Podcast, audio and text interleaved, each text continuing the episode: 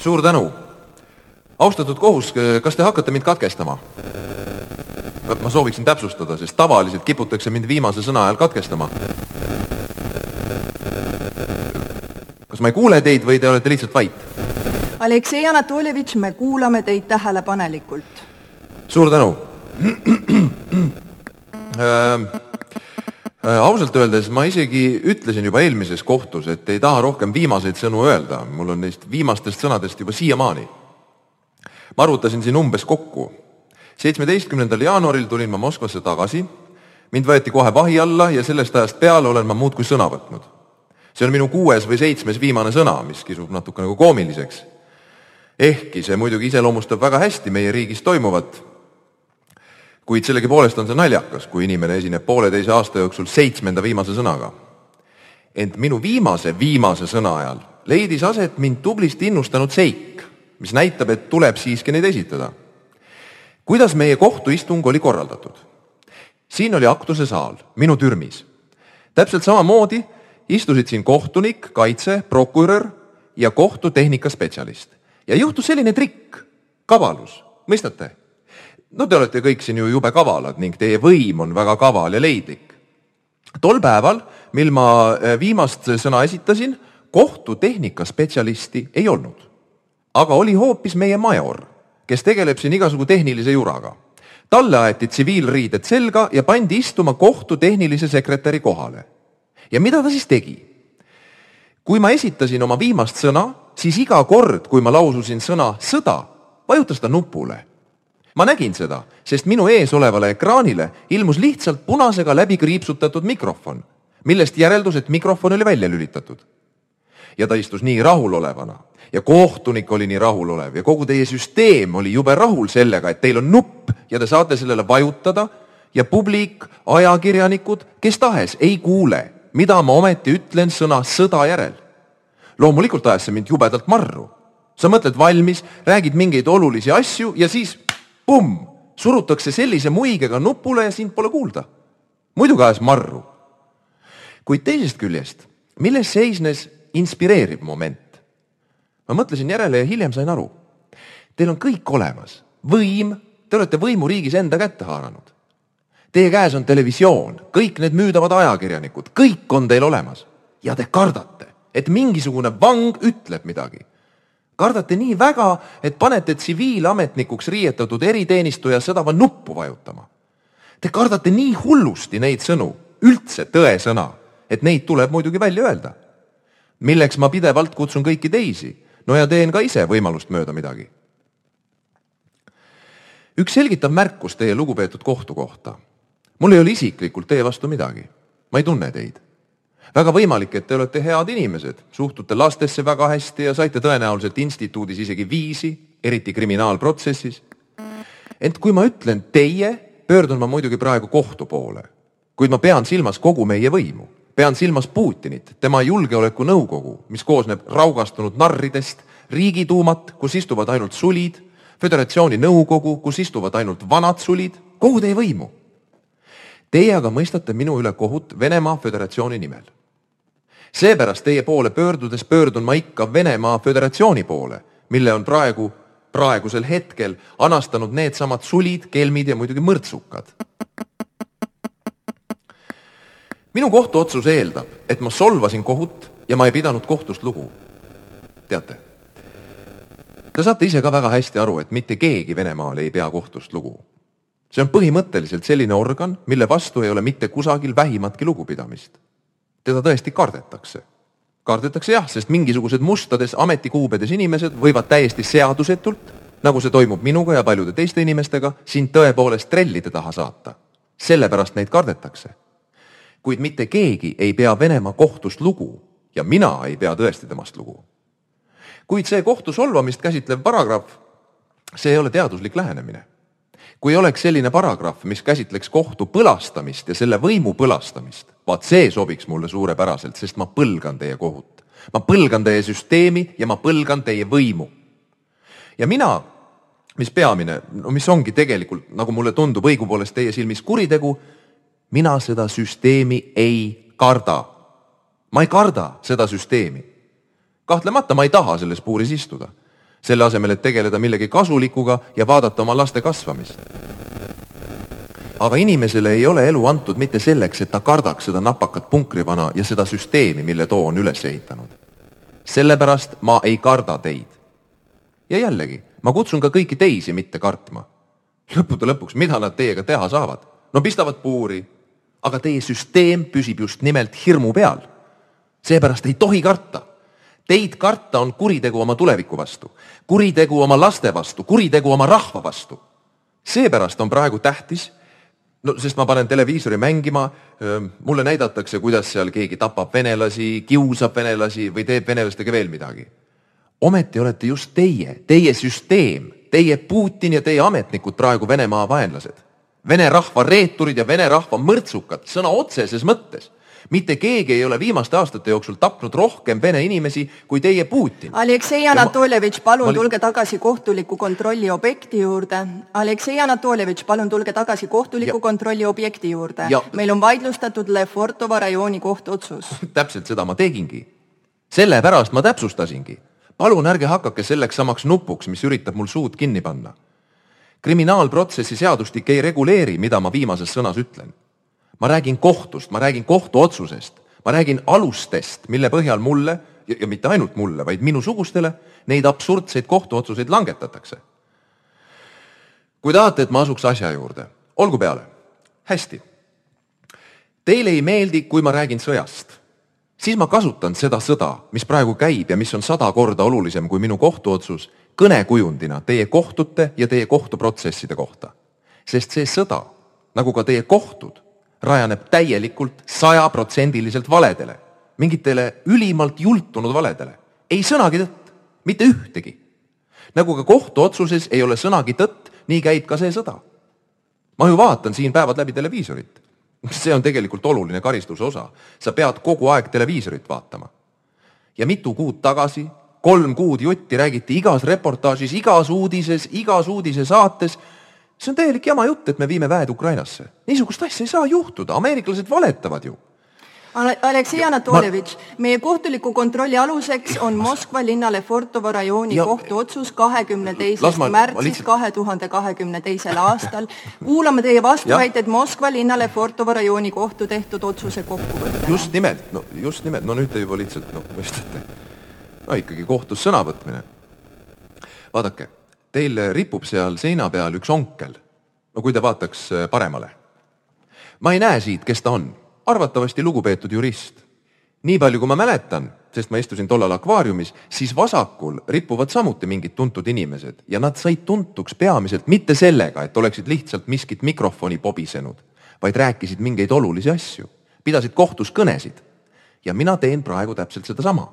ma esinen teie kohtus kõnega ja ma kasutan tõepoolest sõda enda kohtuotsuse kujundina. hoolimata sellest, et ma kasutan midagi suurt millegi väikese kirjeldamiseks, aga võiks vastupidi. seepärast palun ma hoolimata teie kohutavast hirmust, mida kõike ma siin kokku räägin, selle nupuga siiski mitte töötada. sest kes volitas teid seda tegema, vot temale esitagegi pretensioonid selle eest, mida ma siin räägin. seepärast võite mind lihtsalt peatada ja välja lülitada, kuid ma kavatsen, ma ütlen välja kõik mida ma kavatsen öelda. niisiis, kuude viisi valetamist, lihtsalt kuude viisi, siis aga klõps, väed viidi sisse ja see unustati lihtsalt ära, mõistate? kuldkalakese mälu. ja teie võim püüab teha nii, et kogu meie elanikkond, kogu meie rahvas oleks nagu kuldkala sealhulgas kohtuprotsesside suhtes, sealhulgas seaduste suhtes, mida te iga päev muudate, sealhulgas selleks, et unustataks ära, et oli seadus, mis keelas mul valimistel osaleda Navalnõi nimeline seadus. see kõik on absoluutselt vale. kõik kohtuotsuses esitatud faktid on samasugune valelik jamps nagu ka kõik need faktid, mida kasutatakse sõja õigustamiseks või vastupidi. kui ma kuulen televiisorist NATO-st räägitavat, siis ma tahaksin juba lihtsalt hirnuda, sest mina ei ole kuldkala. ma mäletan, kuidas kahe tuhande kolmeteistkümnendal aastal avati Uljanovski linnas NATO baas ja Uljanovski kuberner rääkis, kui tore see on, et me avame siin NATO baasi tööks Afganistanis, sest see on nii vinge, sest see tähendab töökohti. NATO on meile väga sõbralik plokk. aga teate, kes veel toetas kangesti NATO baasi? Dmitri Olegovitš Rogozin. teate sellist inimest? nüüd aga püüavad needsamad inimesed meile tõestada, et me peame korraldama siin veresauna, et NATO-le vastu seista. samal ajal astuvad NATO-sse Soome ja Rootsi ning see on juba päris sant lugu. ja mina räägin sellest, kuna see on muidugi ülimalt määrav kõige jaoks, mis Venemaal toimub, sealhulgas Venemaa kohtusüsteemi jaoks. sest igas kohtus käib häbitu valetamine, eile räägitu ignoreerimine, lihtsalt nipsust, nagu polekski räägitud. Te kõik muudate oma seisukohti hüppe pealt sada kaheksakümmend kraadi ja mitte lihtsalt sageli, vaid pidevalt.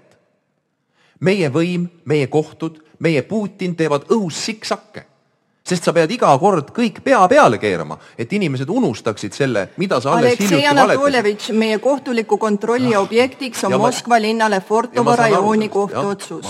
kuulame viimases sõnas äh, teie seisukohta seoses teie mittenõustumisega, teie süüdimõistmisega Moskva linnale Fortovo rajooni kohtuotsusega. palun naaske apellatsiooni korras alustatud kohtuliku kontrolli objekti juurde. esiteks meie kontrolli objektiks on tõepoolest Lefortovo kohtuotsus ja põhjused, mille järgi niisugune otsus tehti. ja põhjused, miks teie kohus toimub või mitte, on teile hästi teada. nimelt on Venemaal praegu võimul üle mõistuse rikkad inimesed, kes korraldasid sõja muuhulgas selleks, et pidada kohtuprotsesse vanglates, sest sõja foonil ei morjendas enam kedagi. seepärast, lugupeetud kohus, teie elukutsel on plussid, puutumatus ja riivamatus, kõrge palk, korter Moskvas kuid arvatavasti on teie ametil ka mingid miinused. näiteks kui loterii mängib teile kätte nii õnnetu loosi nagu minule kohtuotsuse väljakuulutamine, siis olete sunnitud mind kuulama.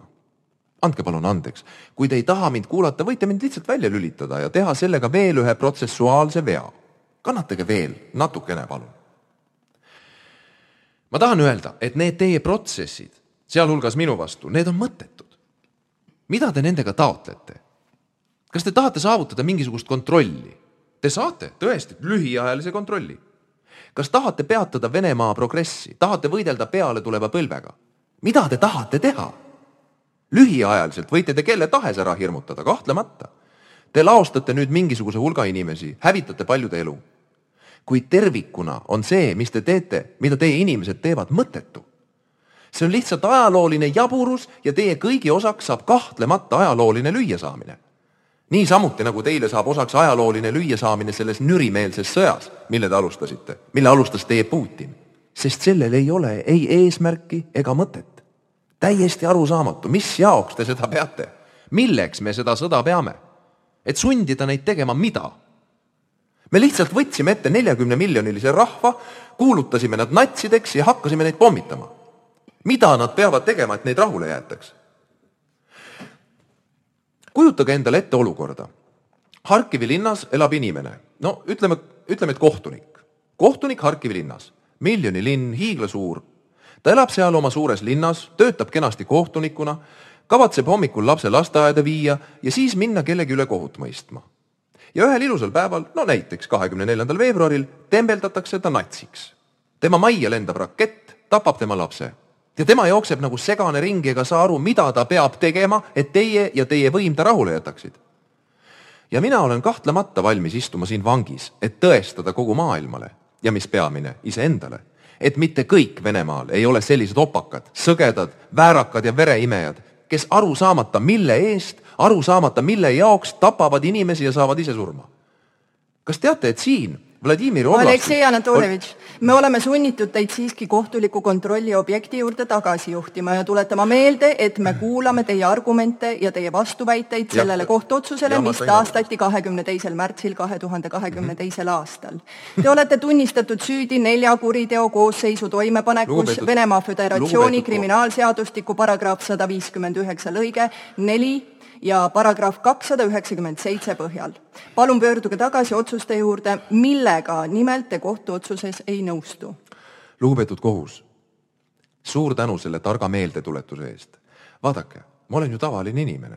mina ei ole kohtunik, kellel on kõik väga loogiliselt ja õigesti paika seatud. ma rääkisin sellest, mida mul on enda kohtuotsuse kohta öelda vastavalt oma arutlusvõimekusele. ja minu arutlusvõimekus, noh, see määrabki selle, kuidas ma räägin. räägin nagu oskan teate, ärge tulistage klaverimängijat, ta mängib nagu oskab. noh, nii ka siin. minu jaoks on tõepoolest oluline öelda siin ja seletada kohtule, et meil lõhuti kõik ära, kaasa arvatud õigusemõistmise süsteem just selleks, et seejärel niisuguseid sõdu alustada. ja nende sõdadega, rääkimata sellest, et me tapame ilmsüütuid inimesi, teadmata mille eest, me hävitame ka vene rahvast. nagu ma juba ütlesin, Vladimiri oblastis, kus ma kinni istun, on kogu rahvuskaardi juhtkond surma saanud. neli alampolkovnikut, nad on surnud. ehk siis saage aru, seda ühtaegu varjatakse ja samal ajal teavad sellest absoluutselt kõik. aga miks nad tapeti? sest üks arutu ei suuda Ukrainast lahti lasta. arusaamatu, mida ta teha tahab. ma ei tea, mida ta temaga teha tahab. ja see arutu varas on palganud haige inimese, kes kamandab rahvuskaarti. ja need muide pole minu sõnad. Need on presidendi julgeolekuteenistuse endise ülema Koržakovi sõnad. armee kindral Zolotovi iseloomustades ütles Koržakov. debiilikuks ma teda nimetada ei saa, sest et ta on imbetsill. ja kui üks varas palkab imbetsilli sõda pidama, jah, nad tapavad selles sõjas paljusid kuid nad kõik ise tapetakse seal ka ära. Aleksei Anatoljevitš, tahaks siiski kuulda teie viimast sõna seoses Moskva linna Lefortovo rajooni kohtuotsusega. kutsun teid veel kord antud kohtuistungil naasma kohtuliku kontrolli objekti arutamise juurde. Teie ausus, pole mind vaja isegi kutsuda. ma mitte ainult ei naase. arutamise objektiks on needsamad trellid, sõna otseses mõttes kas olen mina temasse klammerdunud või tema? Aleksei Anatoljevitš, ma tuletan meelde, et teid mõisteti süüdi neljas kuriteo koosseisus Venemaa Föderatsiooni kriminaalseadustiku paragrahv sada viiskümmend üheksa lõige neli ja paragrahv kakssada üheksakümmend seitse põhjal. palun pöörduge tagasi otsuste juurde, millega nimelt te kohtuotsuses ei nõustu kriminaalseadustiku paragrahv sada viiskümmend üheksa saab palju kordi rakendatud nende isikute suhtes, kellest ma räägin, koos igasuguste teiste paragrahvidega kuna need inimesed vaat täpselt selleks, et varastada, kelmusi teha, röövida ja tappa, minusuguseid vangis hoiavadki. täpselt sellepärast see kõik sünnibki, teie ausus. no vaadake, rääkides paragrahvist sada viiskümmend üheksa, no küllap see on teile tuttav, kui te mult kogu aeg nõuate paragrahvi sada viiskümmend üheksa. ma mõtlesin sellest lakkamatult ja teate, millal? üheksandal mail.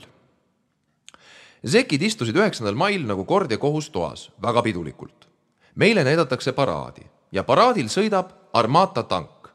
ja meile räägitakse jälle, et Armata tank on kõige parem, Vene väed on seal. ja mina mõtlen, praegu on kahekümne teine aasta, ma vaatan Armata tanki. ma vaatasin seda Armata tanki ka kahekümne esimesel ja kahekümnendal ja üheksateistkümnendal ja kaheksateistkümnendal ja seitsmeteistkümnendal ja kuueteistkümnendal. mulle tundub, et Armata tanki on meile näidatud viieteistkümnendast aastast peale aga sõjas näen ma miskipärast põhiliselt T-seitsmekümne kahtesid ja natuke moodsamaid ka, kuid mingist Armatast pole haisugi. niisiis, paragrahv sada viiskümmend üheksa. võib-olla sellepärast, et meie kõrgeim ülemjuhataja on varas ja nõdrameelne. meie kaitseminister on varas ja suhtekorraldaja. Aleksei Anatoljevitš, kahekümne teisel märtsil kahe tuhande kahekümne teisel aastal mõistis Moskva linna Lefortovo kohus teid süüdi kelmuses, solvamises. palun kutsun saan... tagasi pöörduma kohtuliku kontrolli kõik... objekti juurde apellatsiooniinstantsi kohtus. Te ei ole meile esitanud veel ühtegi konkreetset argumenti Moskva linna Lefortovo rajooni no, no, kohtuotsuse ma... vaidlustamiseks.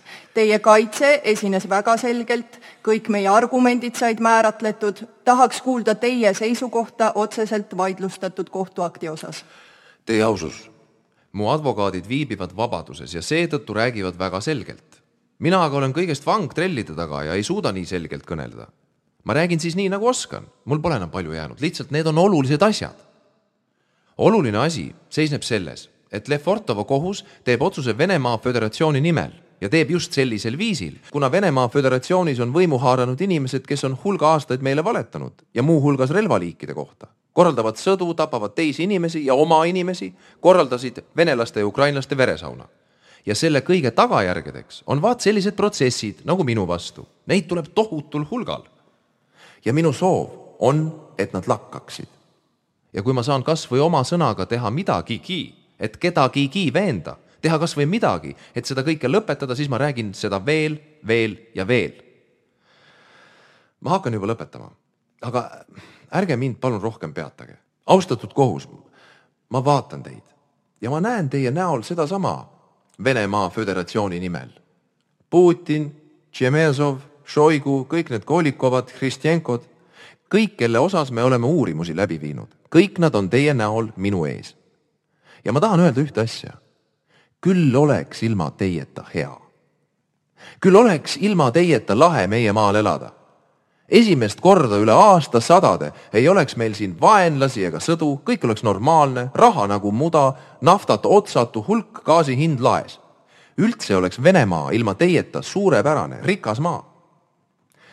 seepärast tahaksin ma, et teid kõiki ei oleks olemas ja et Venemaa ideoloogia, noh, ideoloogiaks on seda liig nimetada, lihtsalt, et meie elu reegliks oleks, ela ja lase teistel elada. et kõik jätaksid kõik rahule et me jätaksime Ukraina ja kõik teised rahule. et teie, kohtunikud, jätaksite tavakodanikud rahule, et rahvuskaart tegeleks asjaga, et vangivalvurid valvaksid tõelisi kurjategijaid, mitte poliitvange.